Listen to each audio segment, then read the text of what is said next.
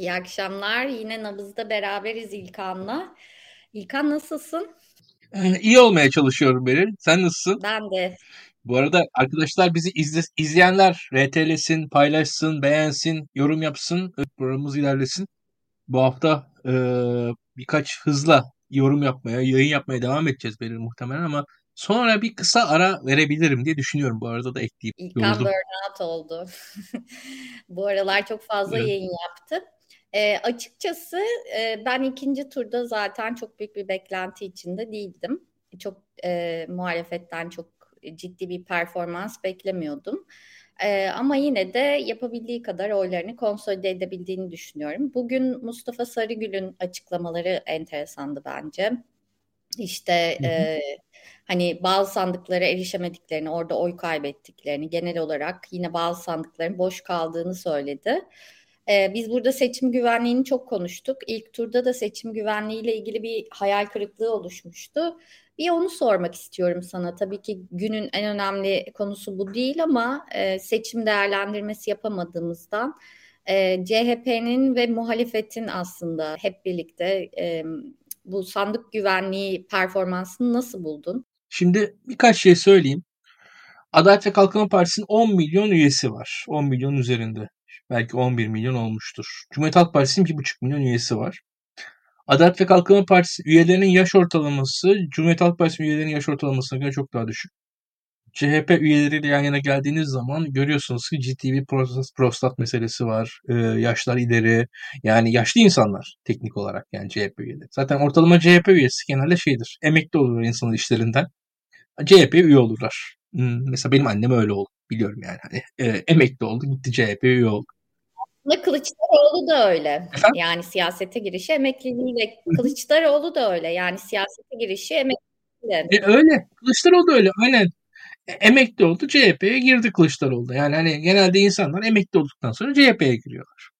Şimdi e, bu da CHP'nin açıkçası pratik olarak sandık başında etkisiz kalmasını sağlıyor. Çünkü e, sandık başında sandık kovalamak genç işi. Yani e, yaşlı bir insan sırf tuvalet meselesinden dolayı bile sandık başında sabahtan akşama kadar bekleyemez yani. Çok net yani hani bu. E, orada gençlerin olması gerekiyor. E, sabahtan akşama kadar sandıkların peşinde genelde gençlerin koşturması gerekiyor. CHP'de bunları örgütlemekte, mobilize etmekte baktığınız zaman genel olarak yetersiz kalan bir parti. Ve şurada bir gençlik hareketine ihtiyaç olduğu açık. E, bunun örgütlü olmasına ihtiyaç olduğu açık. Ve bunun da çok basit bir şekilde söyleyeyim. Finansmanı meselesi var, örgütlenmesi meselesi var, mobilizasyonu meselesi var. Çok net. Bu işler mesela son güne kaldıktan sonra yaşanan duyduğum mesela şu an konuşulmayan da sorunlar var. Yani o, o onca gönüllü konuşuluyor. Mesela gönüllüler ne kadar gönüllü? Siz oraya Cumhuriyet Halk Partisi müşahede olarak giden insanların arasında mesela Adalet ve Kalkınma Partili yok muydu? Mesela çok basit bir soru mesela. Orada hiç kimseyi görmediğiniz insan veyahut da e, Cumhuriyet Halk Partisi'nin sandıklarda görevlileri var deniyor. E, bir örnek vereyim size. Duyduğum şeyler. Cumhuriyet Halk Partisi'nin sandıklarda iki görevlisi olduğu sandıklar var. Birçok sandıkta iki oyu var Cumhuriyet Halk Partisi'nin. Sadece iki görevlisinden oy alabilmiş. Gibi gözüküyor aslında. Yani pek o da aslında görevlilerin de çok sağlam olmadığını gösteriyor. Çünkü e, belli bir e, işte kırsal yörede o işi yapmak için alınmış insanlar falan. Yani e, biraz baktığınız zaman bu işte e, Cumhuriyet Halk Partisi zayıf. Bu e, kategorik bir zayıflık ve bu zayıflığın e, kompanse edilmesi de e, açıkçası belki devrimci bir e, hareket gerektiriyor diye düşünüyorum. E, hem de kırsalda ayrıca bir finansman gerektiriyor. Yani şunu söyleyeyim mesela CHP'nin kadrolaşması lazım bunun için belediyelerde falan. Yani e, biraz e, bu iş böyle hani siyasetin işin içine girmesi lazım yani. Çünkü mesela Twitter'da insanları görüyorum.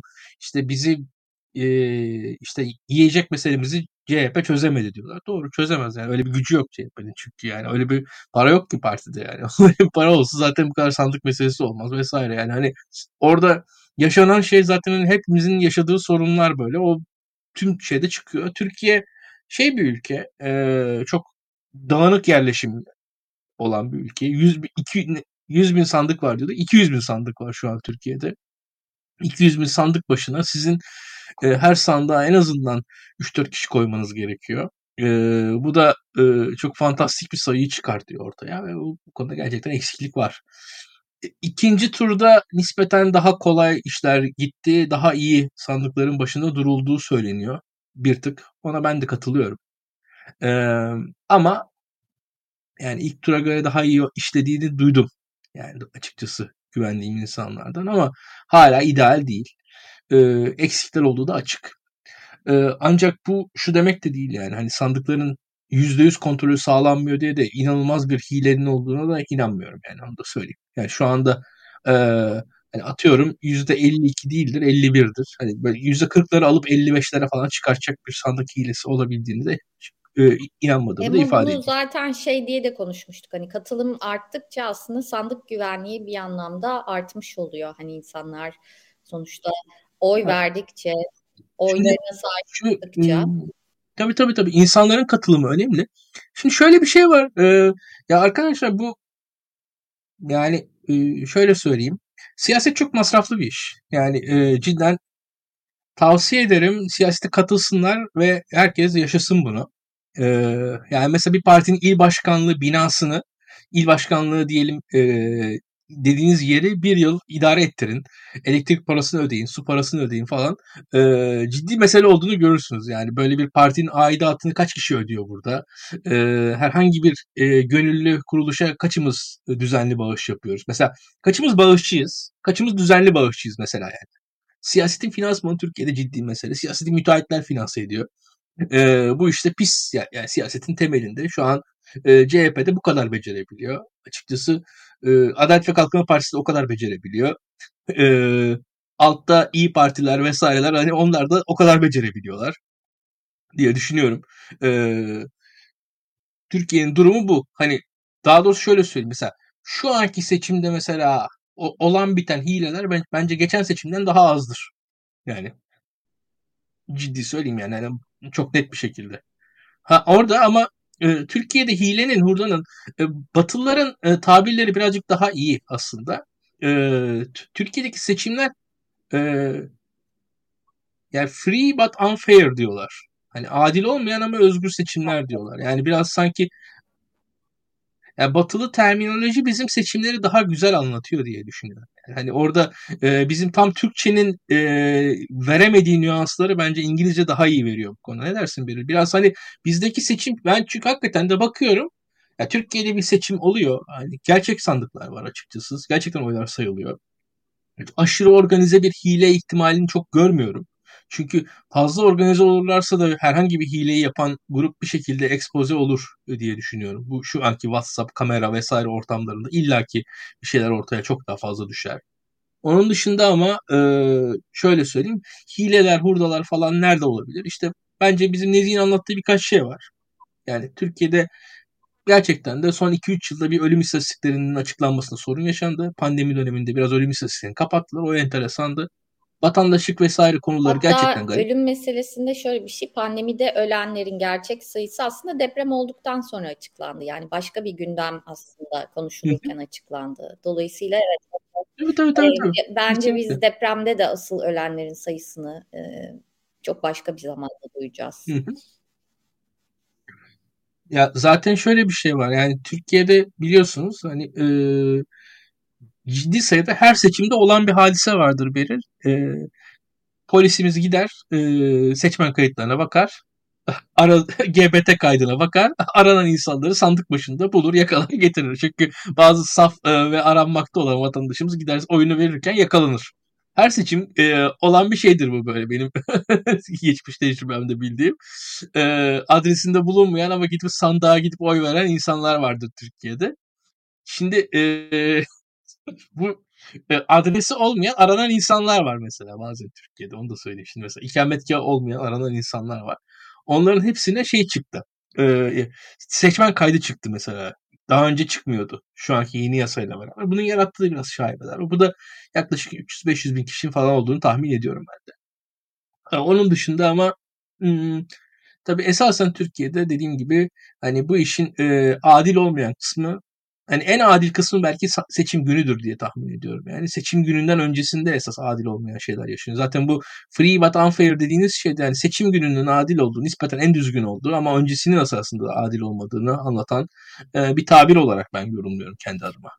Açıkçası bizim Kesinlikle öyle. Yani ee, yani e, şöyle düşün o politik baskı o işte hükümetin medyada kurduğu işte siyasette kurduğu baskı olmasa insanlar böyle gerçi şunu söyleyeyim yani ana muhalefet partisi e, seçmenleri her seçimde işte bir, bu son seçimmiş gibi e, işte oylar bölünmesin kampanyasını çok uzun zamandır yönetiyor. Hani bu tamam bu farklı bir seçimde herkes için farklı bir seçimde ama e, yani bu çok uzun zamandır yürüyor. Ama gerçekten hani e, o adalet sağlansaydı hem siyasiler ve siyaset üstündeki baskı kalksa, medya üzerindeki ifade özgürlüğü üzerindeki baskı kalksa şu an çok farklı bir meclisle e, hani önümüzde e, yıllar geçiriyor olabilirdik. Yani siyaset çok farklı olabilirdi Türkiye'de gerçekten hani buna rağmen bence küçük partiler bir şekilde kendilerini göstermeyi başardılar ama çok çok daha e, bambaşka bir Türkiye e, ve siyaseti olabilirdi yani. Valla e, bilemedim yani hakikaten bilemedim. Şu an Türkiye 100. yılını yaşıyor. E, gerçekten de enteresan e, bir dinamik var siyasetin içerisinde. Çünkü Cumhurbaşkanlığı sistemi ortaya çıktığı zaman e, sistemin doğası gereği, iki türlü sistemin doğası gereği aslında siyasetin e, polarize olmasını ve ikiye ayrılmasını ve siyasi iki büyük partinin etrafında toplanmasını insan bekliyordu. Yani e, common wisdom hani en o sıradan akıl e, o bu e, böyle bir şey beklerdi. Yani beklenen şey buydu. Gerçekten de enteresan bir şekilde e, siyaset parçalanmaya başladı e, ve küçük siyasi partiler tekrar varlıklarını e, ittifak sistemleri içerisinde ve dışarısında e, ciddi şekilde gösterdiler. E, bu çok ilginç bir şey. Yani hani benim açımdan şu an bakıyorum yani tip denen fenomeni ben tahmin edemezdim açıkça söylemek gerekirse. Yani e, veyahut da hem Memleket Partisi hem Zafer Partisi düşünürseniz yüzde bir yani Memleket Partisi bile yüzde bir civarında oy aldı. Zafer Partisi yüzde ikiyi geçti. E, yeniden Refah dediğiniz parti yüzde iki buçuk üçlere yakın oy aldı neredeyse. Yani e, Büyük Birlik Partisi yani adını unuttuğumuz artık neredeyse hani Sivas Partisi denilip geçilen Muhsin Yazıcıoğlu'nun işte hatırına hatırlanan e, unutulmuş bir parti neredeyse. Yani bizim mesela herhangi bir daktilo yayınında asla odaklanmadığımız hatta yani benim muhtemelen belki Mansur Yavaş'ın kadrolaşmasını falan anlatırken ucundan bahsettiğim falan bir partidir Büyük Birlik Partisi en fazla. Yani belki Yavuz Ağralioğlu'nun gelmişini geçmişini anlattığım zaman falan değinmişimdir Büyük Birlik Partisi'ne. Ama ya yüzde bir oy aldı. Yüzde bir oy çok ciddi bir oy Büyük Birlik Partisi açısından. Yani hala o, o oyun alınabilmiş olması fantastik bir şey muhalefet kanadındaki küçük partilerin e, e, daha hani e, tabanı küçük partilerin ne kadar ay, oy aldığı bilinmezken ve toplamda hani yüzde biri bulamadıkları iddia edilirken bu ciddi bir e, ciddi bir çıkış yani Büyük Birlik Partisi'ninki. Ya çok enteresan. E, onun dışında bir de e, enteresan meclis var şu anda. Mecliste, mecliste neler yaşanacağını da çok tahmin edemiyorum onu da söyleyeyim. Çünkü Adalet ve Kalkınma Partisi ciddi şekilde e, 300'ün altında bu sefer. MHP cidden net muhtaç. Yani 300'ün biraz altında değil. Yani 300'ün net altında. E, MHP cidden muhtaç. Ama e, vekillerin e, isimleri açısından şu an çok enteresan bir şekilde bir de şu var. Herhangi bir muhalefet partisi genel başkanı şu an Türkiye'de milletvekili değil. Yani şöyle bir durum var. Tüm muhalefet partisilerinin meclis gruplarının başında e, genel başkanları olmayan başka insanlar meclis grup başkanı olacaklar. Yani mesela şöyle söyleyeyim. Şimdi genel başkanın milletvekili olmamasının yarattığı sıkıntı diye bir şey var. Milletvekilliği diye bir kavram var ve milletvekillerinin e, milletvekilliği bir sınıf oluyor Türkiye'de. Beril, bak sana çok enteresan e, bir örnek vermek istiyorum burada. 1 Mart tezkeresi geçmişti hatırlıyorsun. E, geçmemişti daha doğrusu. Orada 1 Mart tezkeresinin geçmemesinde çok önemli faktörlerden bir tanesi 1 Mart tezkeresi sırasında Recep Tayyip Erdoğan'ın milletvekili olmamasıdır. Recep Tayyip Erdoğan milletvekili olsaydı ve Recep Tayyip Erdoğan olarak mecliste e, mesai yapan birisi olsaydı o sırada e, açıkçası tezkere geçebilirdi. Ama Recep Tayyip Erdoğan o sırada henüz yasaklıydı. Siirt seçimleri 4 Mart mıydı neydi o zaman 4-5 hani Mart o, yani tezkereden birkaç gün sonra olmuş gerçekleşmişti ve Tayyip Erdoğan sonrasında vekil olmuştu. E, Tayyip Erdoğan'ın şahsen orada olmamasının yarattığı da bir e, vakum vardı orada. Aynı şekilde mesela İyi Parti geçen e, dönem çok ciddi sayıda vekil kaybetti. Yani e, çıkarttığı vekil sayısına oranla en çok sayıda vekilliğini kaybeden parti İyi Parti'dir. E, Meral Akşener'in vekil olmamış olması çok ciddi bir faktör e, burada. Yani kendi kendisinin orada genel başkan olarak meclis grubunun başında var olmamış olması çok ciddi bir faktör. E, burada şöyle söyleyeyim. Genel başkanlarının e, mecliste olmaması parti disiplini açısından muhalefetin e, çok ciddi dezavantajını olacak. Yani burada ya bence Ali Babacan başta olmak üzere e, tüm muhalefet partileri çok yanlış strateji gütmüştü oldular. Cumhurbaşkanı yardımcılığı kavramını abartarak aslında kendi meclis gruplarını şu an biraz başıboş bıraktılar. Bunun ciddi sıkıntılarını vekil kaybederek e, göreceklerini tahmin ediyorum. Burada özellikle e, ne, İyi Parti, işte Deva Partisi, Gelecek Partisi, Demokrat Parti hatta Cumhuriyet Halk Partisi'nin e, vekil transferine çok açık ve kırılgan olduklarını düşünüyorum e, önümüzdeki dönemde. E, ve biz bunu yaşayacağız diye tahmin ediyorum. E, özellikle İyi Parti yani ya vekillerin tam olarak çok iyi bilmiyorum. Yani Gelecek Partisi'nin vekilleri konusunda bir, bir tık şüphem var. Ee, hani tam emin değilim. Ee, tek tek aslında bakmam lazım. Orada bazı isimler kimler geçer kimler onun totosunu da yapardık aslında ama neyse şimdi o kadar e, şahsi şeye girmeyelim ama e, gerçekten de enteresan geliyor bana.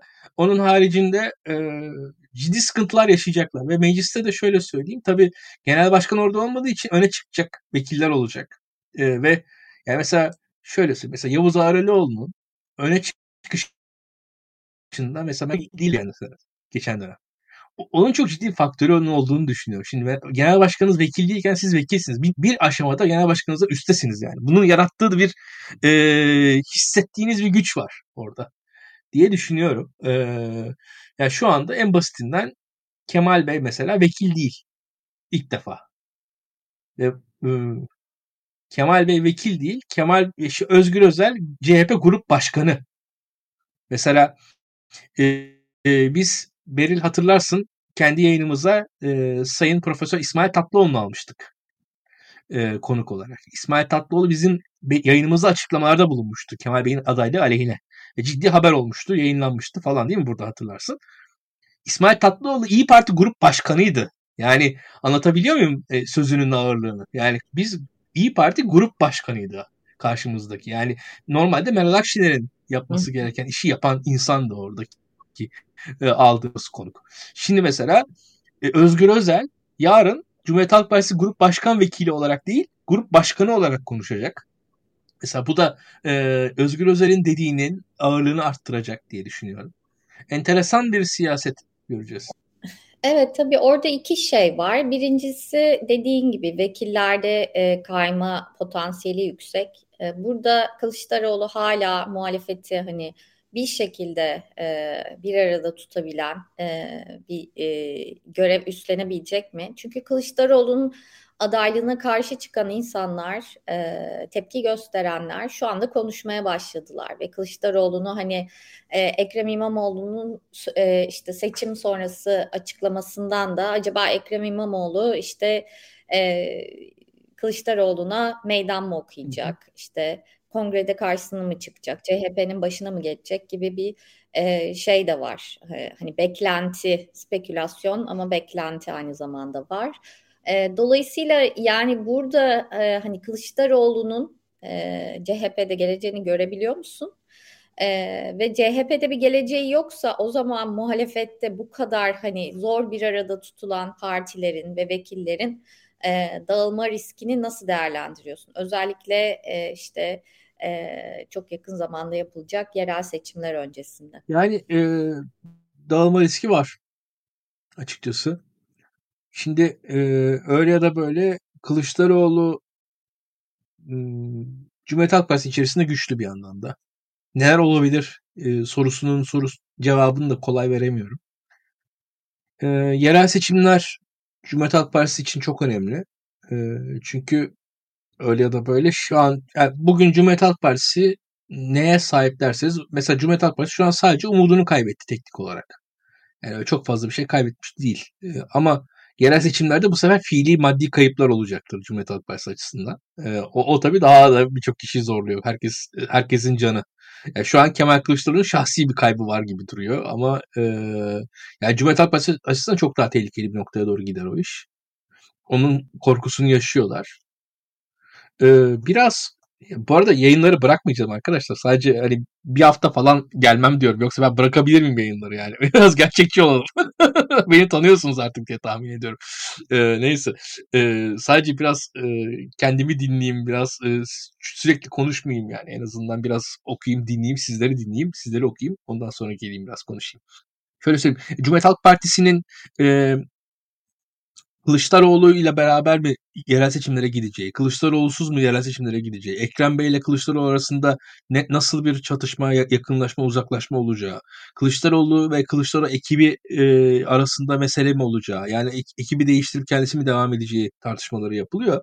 Ben burada e, ne sonuç çıkacağını bilmiyorum ama şu an Kılıçdaroğlu CHP'de hakim durumda. Kılıçdaroğlu olmazsa ittifak nasıl ayakta kalır onu Tam emin değilim o konuda ama ittifakın ana unsuru İyi Parti. İyi Parti ile tekrar bir e, yakınlaşma öyle ya da böyle sağlanabilir gibi geliyor bana. Ama burada çok faktör var. Çok faktör var. Yani HDP, e, HDP'nin daha doğrusu Yeşil Sol Parti'nin pozisyonu, Selahattin Demirtaş'ın pozisyonu, Selahattin Demirtaş'ın yanında e, Yeşil Sol Parti'nin meclise takınacağı tavırlar falan bunlar bunlar çok etkili olacaktır diye düşünüyorum. Yerel seçimler ayrı bir hikaye. Yani yerel seçimlerde ben şu aşamada potansiyel olarak muhalefetin bir kayıp ihtimalini görüyorum. Çünkü şöyle bir durum var. 2017'den beri gelen bir ittifak siyaseti vardı aslında. Biz 2017'nin e, 2017'nin e, kurduğu, 2017'deki hayır cephesinin kurduğu, 2017'deki hayır cephesinin kurduğu ittifak siyasetinin e, biriktirdiği enerjiyi şu an muhalefet kaybetmiş durumda. Bu enerji tekrar kazanılabilir mi? Emin değilim. Ve ciddi şekilde muhalefet çok zorluk yaşayacak. Yani bunu bunu, bunu öngörebiliyorum. Çünkü e, Kılıçdaroğlu'yla veya Kılıçdaroğlu'suz. Çünkü Kılıçdaroğlu'yla da olsa İyi Parti ile arada e, aradaki o eski e, bağ şu an kopuk durumda. Yani o eski bağın koptuğu durumda da yerel seçimlerde nasıl bir ittifak kurulacak? Kurulabilir mi tekrar? Tam emin değilim. Yani Ankara'da, İstanbul'da yani mesela atıyorum Ümit Özdağ ben biliyordum ki 2019 seçimlerinde İstanbul Büyükşehir Belediye Başkan adayı olmak istiyordu. Yani e, şu anda da yani mesela İstanbul'da atıyorum Ankara'da mesela mülteci karşıtı daha milliyetçi bir aday bir üçüncü yol gibi ortaya çıkabilir mi? E, böyle bir hikaye böyle bir hikaye yazmak istenebilir mi? Gayet olası görüyorum ben. Yani hani e, bu büyük şehirlerde böyle bir niyetlenebilecek, arkasında belli partileri de alabilecek bir sağ ittifak, sağ seküler muhalif ittifak adayı e, hikayesi de yazmak isteyeceklerdir. İsteyebileceklerdir en azından diye düşünüyorum. Ve bunu mesela Kılıçdaroğlu kendi başına engelleyebilir mi? Veyahut da CHP'deki Kılıçdaroğlu sonrasındaki bir düşünce bunu engelleyebilir mi? Nasıl anlaşılır? E, tam emin değilim yani bu konuda ciddi şüphelerim var e, belli bir ittifak siyaseti illa sürdürülecektir. Onu onu görmek zor değil. Ama e, bu ittifak siyaseti ne kadar başarılı olabilir o da tartışmalı yani. Çünkü belli ki e, bu bardak biraz çatladı yani hani e, açıkçası ciddi sıkıntı görüyorum muhalefet açısından. Yani Kılıçdaroğlu'yla veya Kılıçdaroğlu'suz. Yani sonuçta 2017'den beri gelen hani anayasa Cumhurbaşkanlığı sistemi referandumuna karşı hayır ittifakının birleştirdiği bir grup vardı e, seküler milliyetçi diyebileceğimiz yapıyla CHP artı HDP bir ortak hareket etme alışkanlığına sahipti. O alışkanlıkla zaten 2017'de kurulan şey 2019'da zirve yaptı. Ve onun sonucunda da bu adaylık geldi. Kılıçdaroğlu adaylığı geldi ve şu an o adaylık sonuç vermedi. Burada Kılıçdaroğlu'nun adaylığı sonuç vermeyince bunun yarattığı mutsuzlukla beraber e, yani bir şekilde öbür yani biz bir bu ortak ittifak senaryosuyla Tayyip Erdoğan'la mücadele etmektense kendi işte atıyorum daha mülteci karşıtı, daha sağ milliyetçi e, yoldan Tayyip Erdoğan'a muhalefetimizi sürdürelim. Cumhuriyet Halk Partisi'ndeki Atatürkçülerin e, de, desteğini alırız. Belki ulusalcılar da bize destek verir. E, böyle bir kitleyle CHP'yi işte sol HDP tip e, bir noktada e, sıkıştırırız. E, ve burada da ara, o arada açılan alandan kendimiz yükseliriz diyecek bir e, ciddi kitle olacağını düşünüyorum şu anda.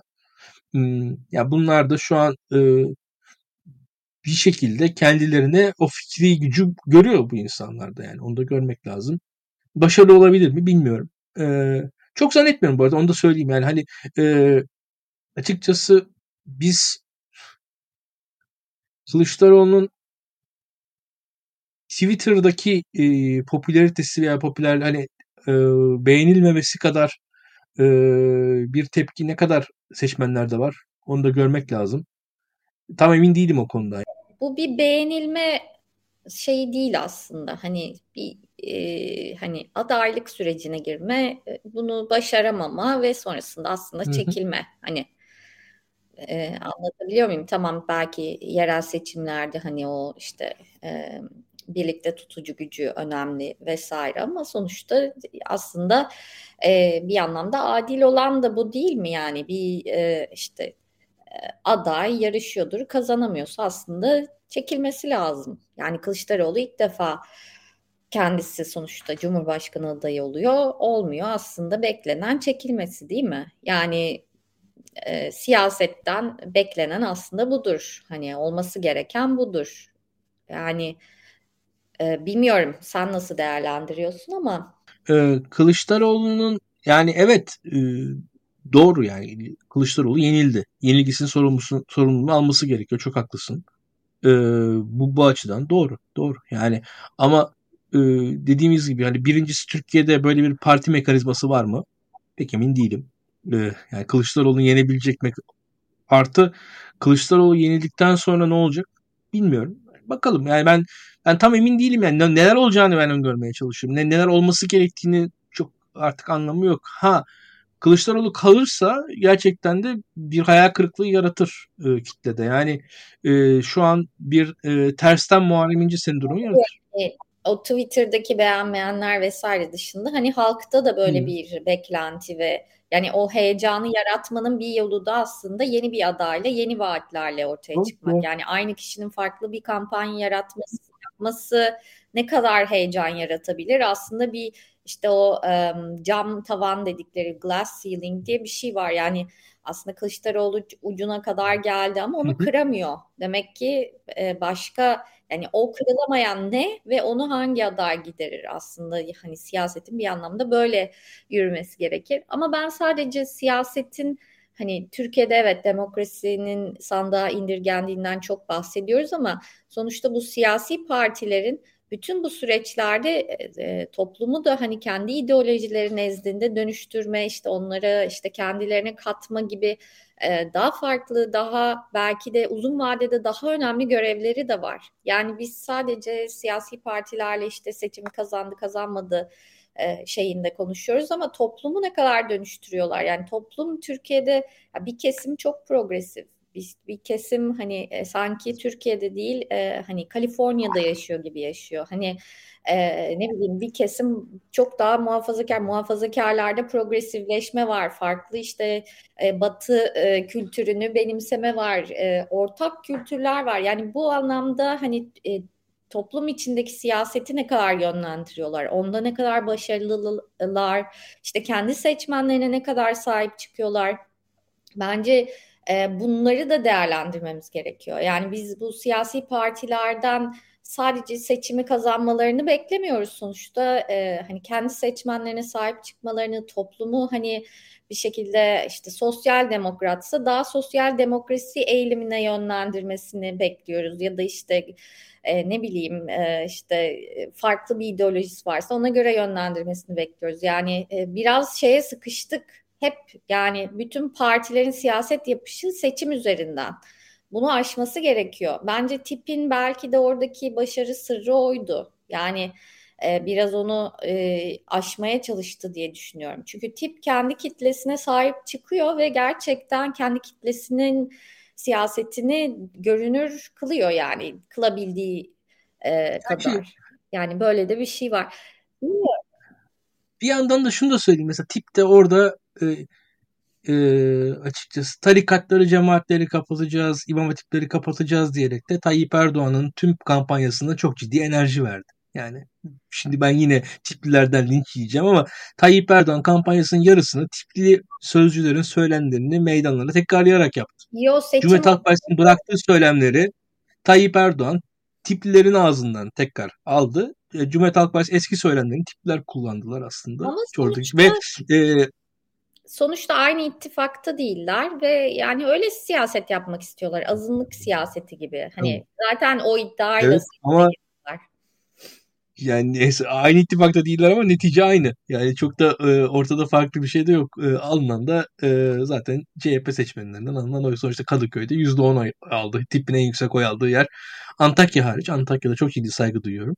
Hı. Ama onun dışında da öyle bir yandan da dediğin gibi bir heyecan yarattı mı? Yarattı. Şu, şu açıdan katılırım. 30 ila 50 yaş arası beyaz zeka, zenginleşemiş e, eğitimli kitlenin e, sözcüsü hayatta e, mutsuz kalmış e, açıkçası. Vaat edilen hayata ulaşamamış kitlenin sözcüsü de oldular. O açıdan saygı duyuyorum. Gerçekten öyle. Türkiye'de ben, ben dahil 30-50 yaş arası kitle e, hayatta o beklentilerine, vaat ettiği, yani toplumun ona vaat ettiği şeylere erişemedi yani. Açık net. E, sen de erişemedin, ben de erişemedik. Bu, bu açıdan aslında doğal seçmen e, kitlesiyiz yani tipin Ama baktığın zaman burada mesela yani e, CHP'ye oy veren insanlar gerçekten CHP'den e, siyaseten yani e, hani bir e, muhalefet bir şeylere muhalif olmak dışında gerçekten nasıl bir siyaset görüyorlar? Yani hı hı. söylemeye çalıştığım şey şu hani şu an bile e, partilerin siyasetini konuşurken önümüzdeki işte yerel seçimlere odaklı işte orada işte muhalefet yine birleşecek hı. mi vesaire vesaire yani çok e, çatı çerçevede kalıyor siyaset. Anlatabiliyor muyum? Hani daha hmm.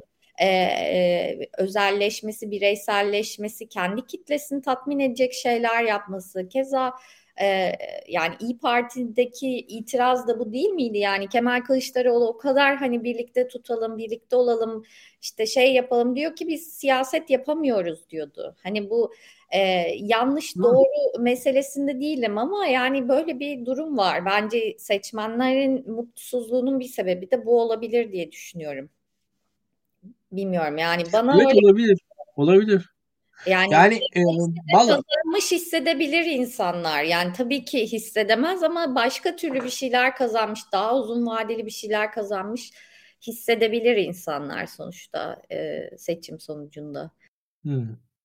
Yani belki hissedebilirler. Haklısın ama bir yandan da şu var. Şimdi bu, bu hissiyatın sonucunda nereye varılır onu bilmiyorum. Yani hakikaten bilmiyorum. Ee, bazı konularda evet daha yüksek sesle e, siyaset yapılmalı. Bazı konularda kesinlikle daha e, hatta sert olunmalı. Bugün e, meclisi e, Doktor Devlet Bahçeli açacak. E, meclisin en yaşlı üyesi olarak. Şimdi genel başkan bir Milliyetçi Hareket Partisi'nin genel başkanı, işte 3. Büyük Parti'nin genel başkanı şu anda. Türk Meclisi'nin en yaşlı üyesi. Ee, 1 Ocak 1948 doğumlu Devlet Bahçeli. Devlet Bahçeli Kemal Kılıçdaroğlu'nun sınıf arkadaşı aynı zamanda. İktisadi Ticari İlimler Akademisi'nden aslında. Kılıçdaroğlu aynı yaşta. Yani aslında Kılıçdaroğlu da vekil olsaydı e, Bahçeli ile aynı yaşlarda olacaktı. E şimdi baktığınız zaman şu an Türkiye'de aslında ben beri büyürken e, 1920'ler doğumlu insanlar Türkiye'yi yönetiyordu. Turgut Özal, Süleyman Demirel vesaire. Sonrasında 40'lar doğumlu insanlar Türkiye'yi yönetmeye başladılar. Mesut Yılmazlar, Tansu Çillerler devam etti. E, Tayyip Erdoğan e, 50'ler doğumlu olarak biraz öne geçti. E, Beniz Baykal 30'lar doğumlu biri olarak uzun süre geçmişin temsilcisi olarak direndi. Kılıçdaroğlu 1940'ların temsilcisi olarak onun yerine geldi. 40'lardan yeni Devlet Bahçeli uzun süredir siyaset hayatımızın içerisinde. Tayyip Erdoğan öncesi Türkiye'den e, geriye kalan Rıfat Hisarcıklıoğlu ile beraber tek figür Devlet Bahçeli şu an.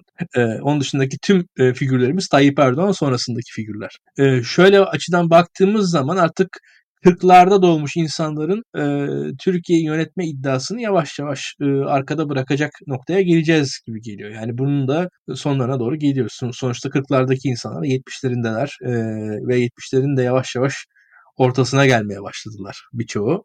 E, ve artık yani ve burada da e, sonuçta meclisin en yaşlı üyesi dediğimiz gibi. Yani belli bir tamam yaşın getirdiği bilgelik vesaire var ama orada da bir noktada da yeni çağın ritmini, yeni çağın e, belki siyasetini, daha farklı kitlerin siyasetini tam anlayamamak da olabilir diye düşünüyorum.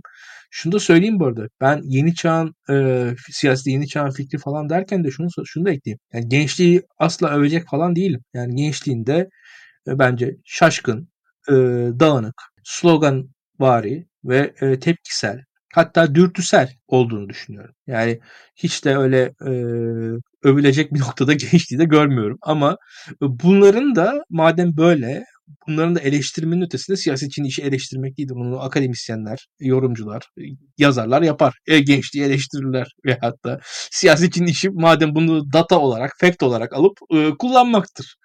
Yani bakılırsa e, yani Adalet ve Kalkınma Partisi yani TCG Anadolu'yu liman liman dolaştırdı. E, Teknofest yaptı. E, Bayraktar, Anka, SİHA, İHA falan filan dolaştırdı tüm Türkiye'de. E, devam edeyim. TOG'u il il gezdirdi. Tamam komik geliyor bana. E, işe yarıyor mu? Yarıyor. Yani bu komik gelmesi işe yaramıyor anlamına gelmez. Şimdi e, biliyorsun bu işte bu bir hikaye vardır. E, Bohr atom modelinin e, mucidi e, e Nicholas Bohr, Danimarkalı büyük bilim insanı, e, Nobel'li fizikçi. Albert Einstein'la beraber belki 20. yüzyılın en büyük fizikçisi. İşte evinin girişinde bir atnalı vardır. E, herkes sorar ona bu atnalı nedir? İşte sizin gibi bir bilim insanına yakışıyor mu falan diye böyle işte kötü ruhlardan işte koruduğuna inanıyor falan diye. Yani ben, ben inanmasam da o orada durabilir diyor yani bir zararı yok. Ya yani şimdi mesele e, gerçekten de sizin ne düşündüğünüz değildir. Ee, yani siz TOG'un il gezdirilmesi bana gülünç geliyor olabilir ama oy getiriyorsa bunun hiçbir e, tartışması yoktu. Ben kendimi daha zeki hissediyor olabilirim ama yani bunun e, sandıkta bir faydası olmayabilir. Onu da söylemek lazım. E, bunun ben e, çok çarpıcı olduğunu düşünüyorum ve birazcık da muhalefetin bu açılardan da bakması gerekiyor gençliğe diye düşünüyorum. Biraz gençliği e, çok yüzeysel ele aldılar ve yani seçim kampanyasının son gününde Kılıçdaroğlu'nun son vaadi ya bedava ilk maçlarını yayınlamaktı. Şimdi biz burada şöyle söyleyeyim. E, ben bir noktada olumlu buldum çünkü hangi alanda eksik olduklarının farkındalarmış. Çünkü genç erkek oyu kaybetmişlerdi.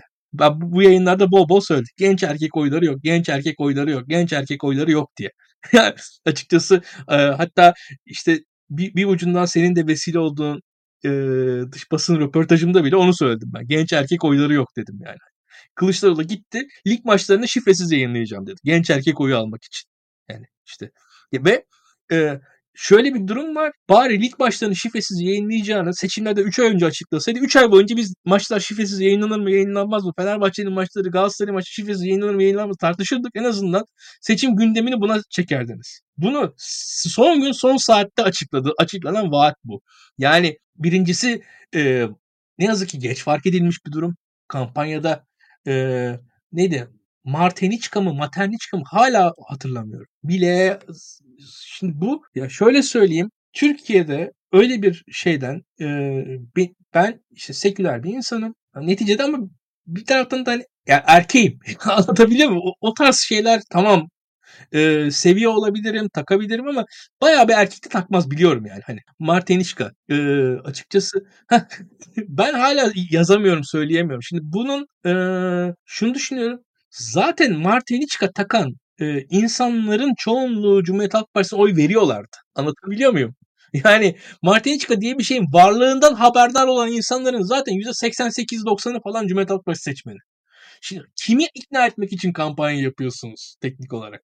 Ya gerçekten de e, bana o, o tarafı çok enteresan gelmişti.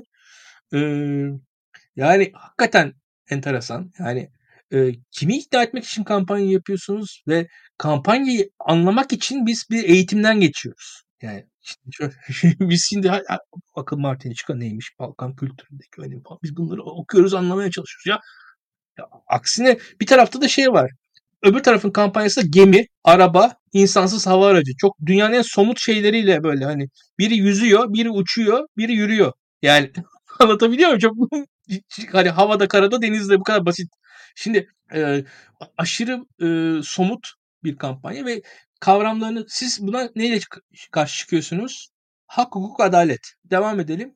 Liyakat. Şimdi liyakat diye bir şeyin resmini çizebilir misin Abidin diye. Yani neredeyse biraz e, Nazım Hikmet'ten e, ilhamla sorayım. Yani şimdi liyakatın resmini ben çizemiyorum açıkçası. Liyakat diyelim.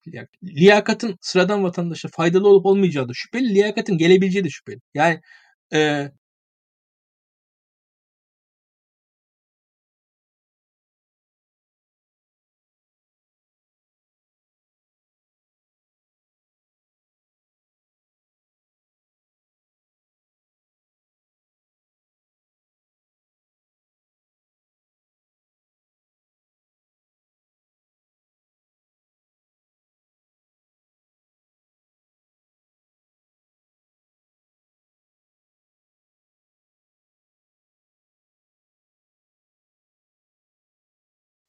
Bu sadece liyakat değil. Bence ekonomiyle ilgili de çok ciddi bir belirsizlik vardı. Yani plan neydi? Ee, Biraz bence daha devam e, oy, oy verenler de farkında değildi. Lütfen devam et. Yani ekonomi e, evet. Bakın daha konuşmadığımız bir şey daha var. Hmm, Türkiye'de ben bu konudaki eleştirileri çok ciddiye alıyorum.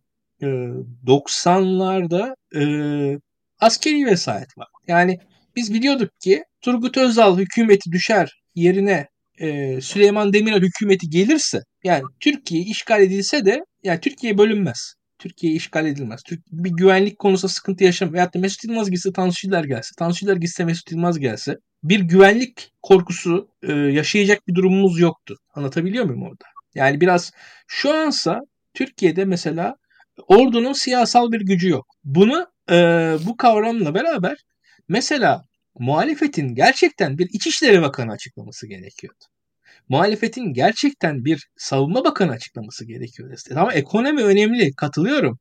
Ancak kendi güvenlik politikasına ihtiyacı var muhalefetin diye düşünüyorum. Ee, ve kendi güvenlik politikasını da e, açıkçası hatta gerekirse daha cesur bir şekilde savunmasının gayet e, çok daha iyi olduğunu düşünüyorum. Muhalefetin kendi güvenlik politikasını savunmayıp bu konuda sessiz kalmasının e, tam aksine AKP'yi e, kuvvetlendirdiği kanaatindeyim ben. Yani muhalefet kendi güvenlik politikasını uygulamalı, kendi güvenlik politikasını anlatmalı, kendi güvenlik politikasını söylemeli.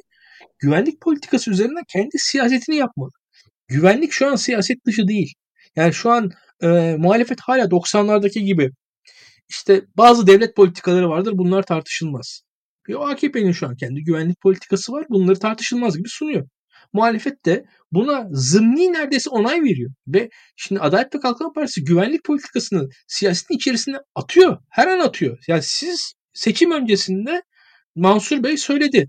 TOG'un, TOG'un değil pardon özür TCG Anadolu seçim otobüsü gibi gezdirildi. Yani TCG Anadolu gemisi seçim otobüsü gibi gezdirildi. E şimdi e gezdiriyor adam yani bu, bu şikayet ediyorsunuz tabii adam yapıyor yani. E şimdi siz buna karşı TCG Anadolu nedir e, konusunda bile e, ya işte F-35'ler alınamadı konusunda. Yani herhangi bir güvenlik konusunda rahat rahat hükümeti eleştirebiliyor musunuz? Hala eleştiremiyorsunuz. Eleştirileriniz hala yarım ağızla ve net bir kendi politikanız da yok birçok konuda diye düşünüyorum.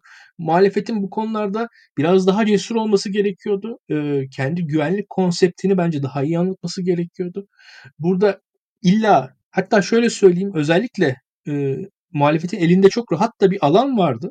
Güvenlik alanını mesela e, illa e, bu iş m, silahlı kuvvetler veya savunma konsepti üzerinden değil, emniyet üzerinden de e, uygulanabilirdi. Mesela e, mafya ile ilişkiler, e, uyuşturucu ile mücadele, asayiş, hatta kadına şiddet, taciz vesaire alanlarında bu alanlarda mesela çok konuşan bir muhalif vekil ben görmek istiyordum ve hatta belki bir muhalif bakan adayı görmek istiyordum. Böyle insanlar çıksaydı ortaya gayet etkili olurdu diye düşünüyorum.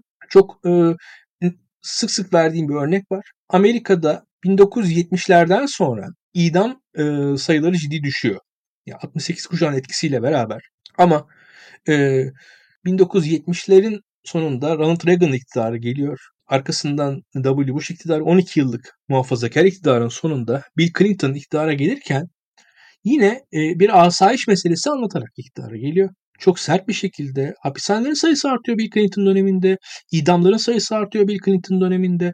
Yani şu an bizim e, böyle liberal progresif gördüğümüz Bill Clinton Amerika'da idamların sayısını arttıran, hapishanelerin sayısını arttıran, e, açıkçası birçok siyaha e, yapılan müdahalenin sertliğini arttıran, siyahları ciddi açıdan sıkıntıya bile sokan e, birçok kararı almış, birçok e, uygulamayı başlatmış bir yönetimdir Amerika'da aslında.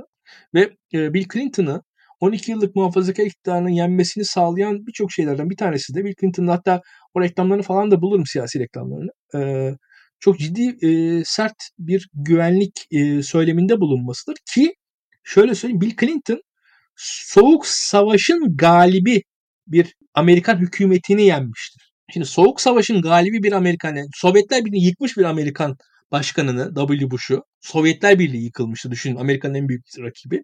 Dış politikada bu kadar başarılı gözüküyor. Irak e, Saddam Hüseyin'i devirmiş falan. E, rahat bir işgalle bir şey kazanmış. Vietnam sendromundan sonraki boynu bükük Amerika'yı yine galipler safına çok net bir şekilde yerleştirmiş bir bu, bu Bush'u. Bill Clinton gündemi bir şekilde güvenlik noktasında evlerin güvenliği, uyuşturucu, asayiş noktasını çekerek yenebildi. Buna benzer bir siyaset tarzını muhalefet bence sürdürebilirdi. Böyle bir e, yaratıcı hiçbir noktada bulunamadılar diye düşünüyorum. Peki şeyi sormak istiyorum sana. Yani bugün bence en önemli e, konu buydu. Demirtaş'ın aktif siyaseti bıraktığını açıklayan tweet'i ve işte daha sonra hı hı. yayınlanan yazısı. E, nasıl değerlendiriyorsun? Demirtaş'ın siyaseti bırakmasını bekliyor muydun? E, sence bırakabilecek mi? Çünkü hı hı. E, o bizi bıraksa biz onu bırakmayız açıklamaları geldi. E, ve hı. sence bu ne, neyi ifade ediyor? Kürt siyasi hareketi, HDP, Yeşil Sol Parti, işte DEP, HEP, HADEP vesaire çizgisi e, ciddi bir kaosta şu anda. Çok net gözüküyor. E, oyları uzun süredir artmıyor. Hatta azalma aşamasında. Şöyle söyleyeyim baskı etkili oluyor mu? Oluyor. Baskı gayet etkili oluyor. Ciddi şekilde siyasal militan kitlesinde daha doğrusu siyasal aktif, aktif kitlesinin ciddi bir kısmı hapiste.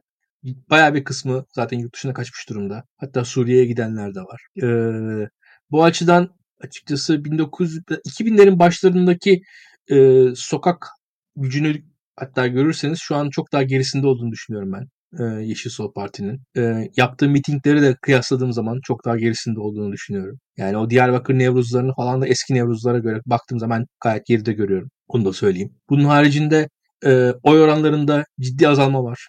E, her ne kadar böyle Diyarbakır birinci parti, Van birinci parti diye sanki orada hiçbir şey değişmiyormuş gibi gözüküyor ama değişiyor gayet net bir şekilde. Bir artış yok. E, bugün tipin varlığıyla beraber benim tahmin etmediğim fantastik bir oy düşüşü Batı'da yaşadılar. Gerçek anlamda şu gözüküyor e, söylemsel olarak HDP'nin meşruiyetini, Yeşil Sol'un meşruiyetini çok daraltmış durumda devlet. Bu da e, tip tarafından kullanıldı. Ya açıkçası daha önce Komünist Başkan'la beraber e, Tunceli, Dersim mi kaybetmişlerdi. Şu an tiple beraber e, bayağı bir alanı da e, seküler sol e, tırnak içinde Türk e, muhalefetini de e, kaybetmiş durumdalar. Ciddi daralıyorlar şu anda ve ciddi kaos e, içerisinde olduklarını düşünüyorum.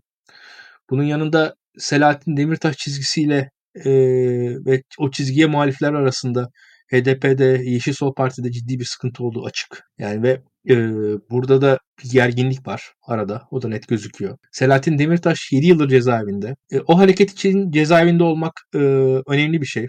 Cezaevinde bedel ödeyen insanlara bir saygı vardır o hareket içerisinde ne olursa olsun. Ve o yüzden de cezaevinde olmanın getirdiği bir ağırlık var. Öte yandan e, Demirtaş da bir yandan çok aktif cezaevinde olmasına rağmen. Bunun yarattığı da bir rahatsızlık olduğunu görebiliyorum. Yani bir yandan Demirtaş'ın adını HDP'nin yönetimi çok anmaya çalışmıyor. Fakat Demirtaş'ın da sokakta çok inanılmaz bir itibarı var. Ve Demirtaş gerçek bir fenomen olmuş durumda. Ee, şunu biliyorum ben. E, HDP çizgisi ilk siyasi olarak ortaya çıktığı anda e, dan beri hep e, bir genel başkan değiştiren bir hareket olmuştu. Selahattin Demirtaş'a gelene kadar.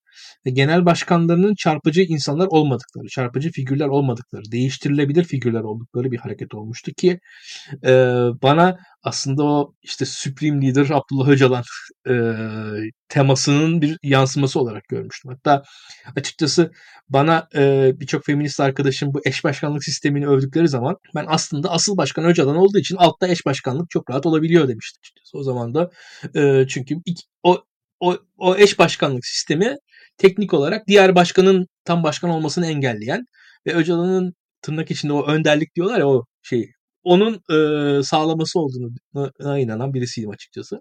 E burada e, şunu söyleyeyim. Selahattin Demirtaş'ın varlığı burada e, Selahattin Demirtaş'ın varlığı bu, bu dengeyi biraz bozdu. Yani Selahattin Demirtaş kendisi fenomenleşti açıkçası. Selahattin Demirtaş e, cezaevine girdikten sonra da fenomenleşmesi azalmadı, arttı. Ve buradaki e, fenomenleşmenin artmasını e, taşıyamadılar. Demirtaş fenomeni e, Demirtaş fenomeni gerçekten Kürtler arasında e, artık yerleşmiş durumda. Ve şu an bir Kürt kuşağı için Demirtaş bir fenomen haline gelmiş durumda. Bu fenomenlik Öcalan'a rağmen bir e, varlık gösterir mi? Yok göstermez. Yani e, Demirtaş'ın e, ama Demirtaş şu an bağımsız bir fenomen. Demirtaş'a rağmen de şu anda e, bir HDP Yeşil Sol Parti çizgisinde bir parti çok rahat var olamaz. Demirtaş'ın ben bu çizgiden kolay kolay kopacağına inanmıyorum hala. Ama e, Demirtaş şu anki pozisyonuyla bence birazcık doğru bir hareket yaptı kendisi açısından. Kendisini e, bu seçim yenilgisinden ayrıştırmayı başardı. Biraz stratejik bir karardı onun için. E, ve şu an için geri çekildiğini görebiliyorum Demirtaş'ın. Ve e, bence kendi adına doğru bir karardı. Bu geri çekilme ne kadar sürecek bilmiyorum. Ama şunu öngörmem zor değil. E, seçim sonrasında belli e, proto açılım hmm, hareketleri olabilir gibi geliyor bana. Bakalım göreceğiz. Yani nasıl hamleler gelecek? Ben hala umutlu değilim bu arada onu da söyleyeyim yani. yani şu anki devlet yapısından falan bir hamle pek beklemiyorum. Ee, ama öyle ya da böyle e, seçim sonrasındaki siyasi hareketleri izleyeceğiz. Bunun içerisinde e, Türkiye-İran, Türkiye-Irak, Türkiye-Suriye ilişkileri hepsi iç, iç içe girecek. Çünkü PKK vesaire konusu da sadece Türkiye'nin konusu da değil.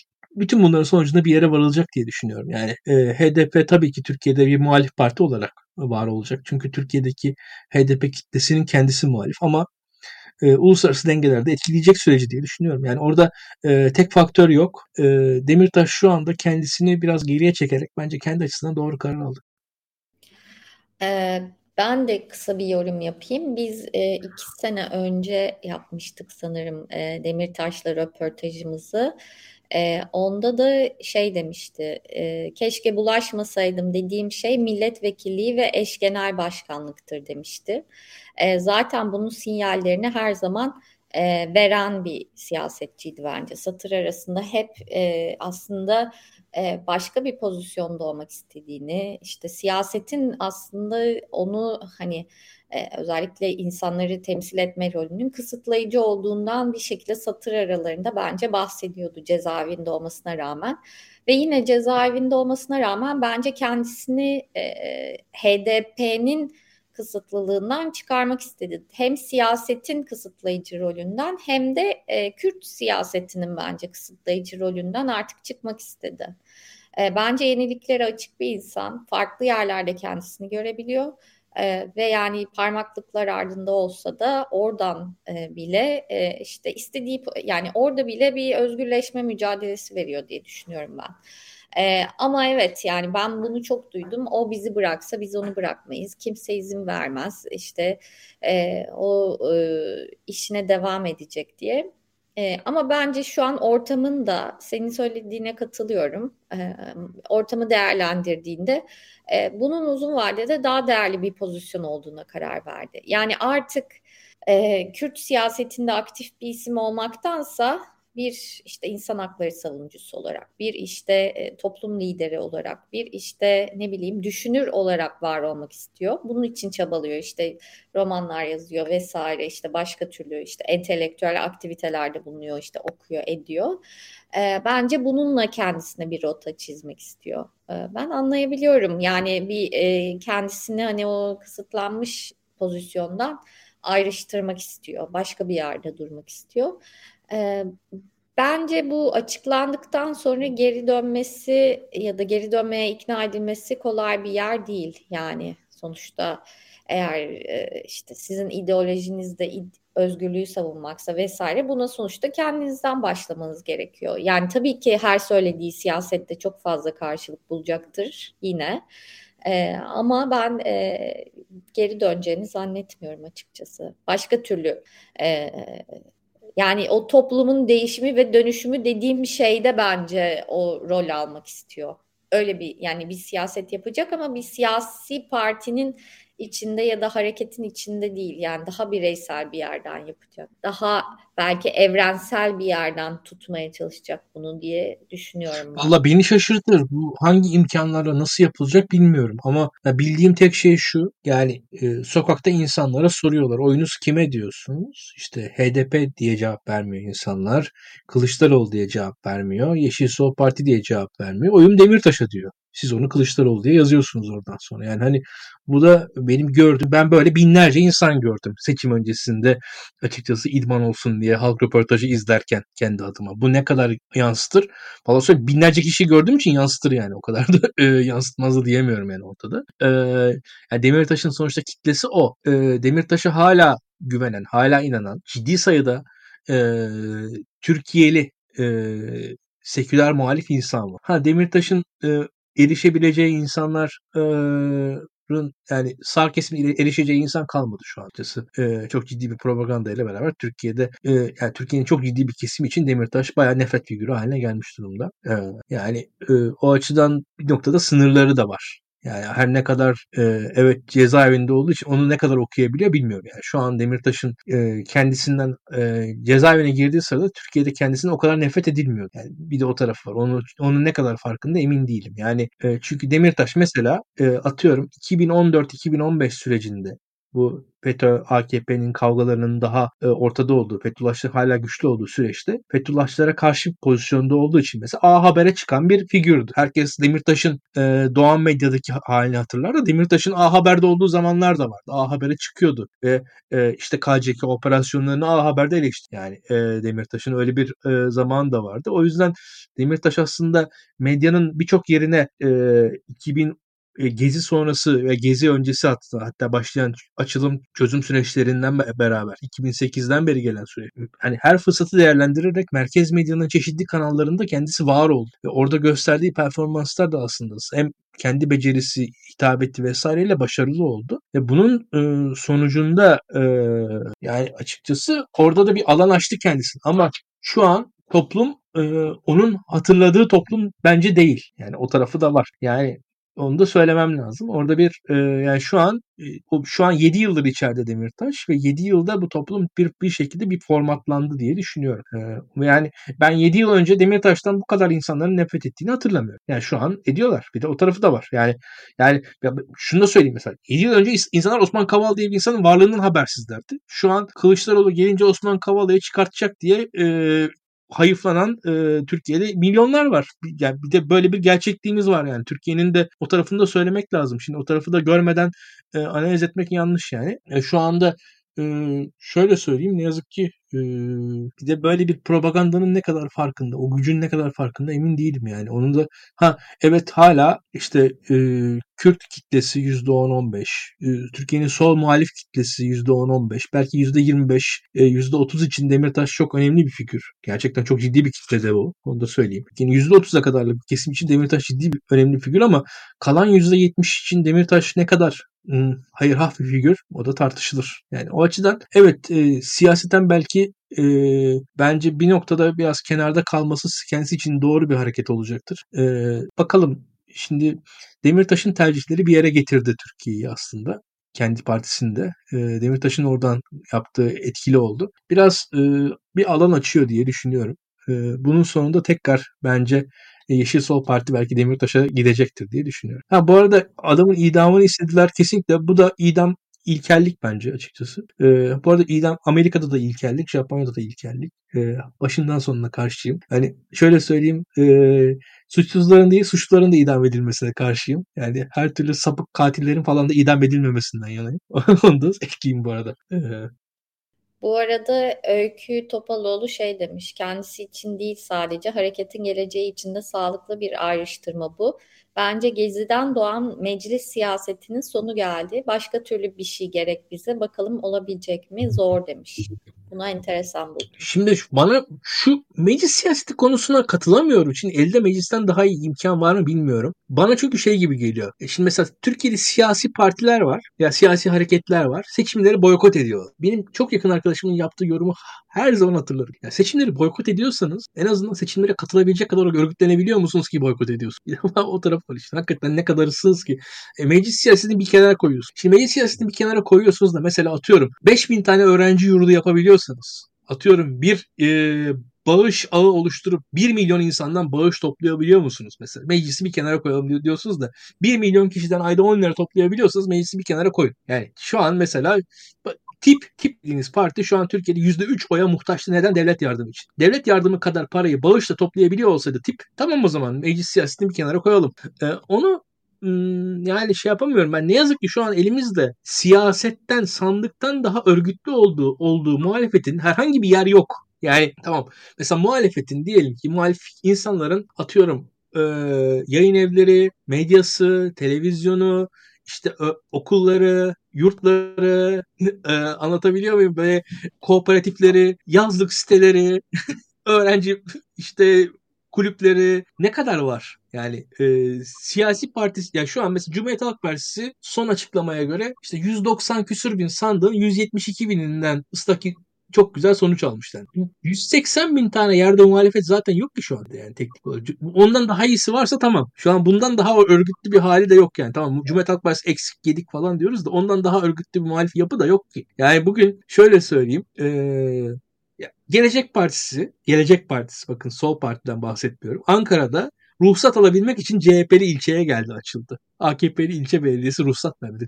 Genel başkanlık açamadılar. Yani şimdi CHP'li ilçe olmasaydı yani. Hani, e, teknik olarak şöyle söyleyeyim. Ya Cumhuriyet Halk Partisi falan filan bir ev sahibi olmazsa çok yerde e, bu sol partiler e, ne yazık ki e, yani mesela ilçe başkanlığı binası falan hani daire tutamazlar yani. Biraz öyle bir tarafı var o işin. Hmm, ya üzücü ama toplumun bu kadar dışında Türkiye'de muhalefet. Yani onu da görmek lazım.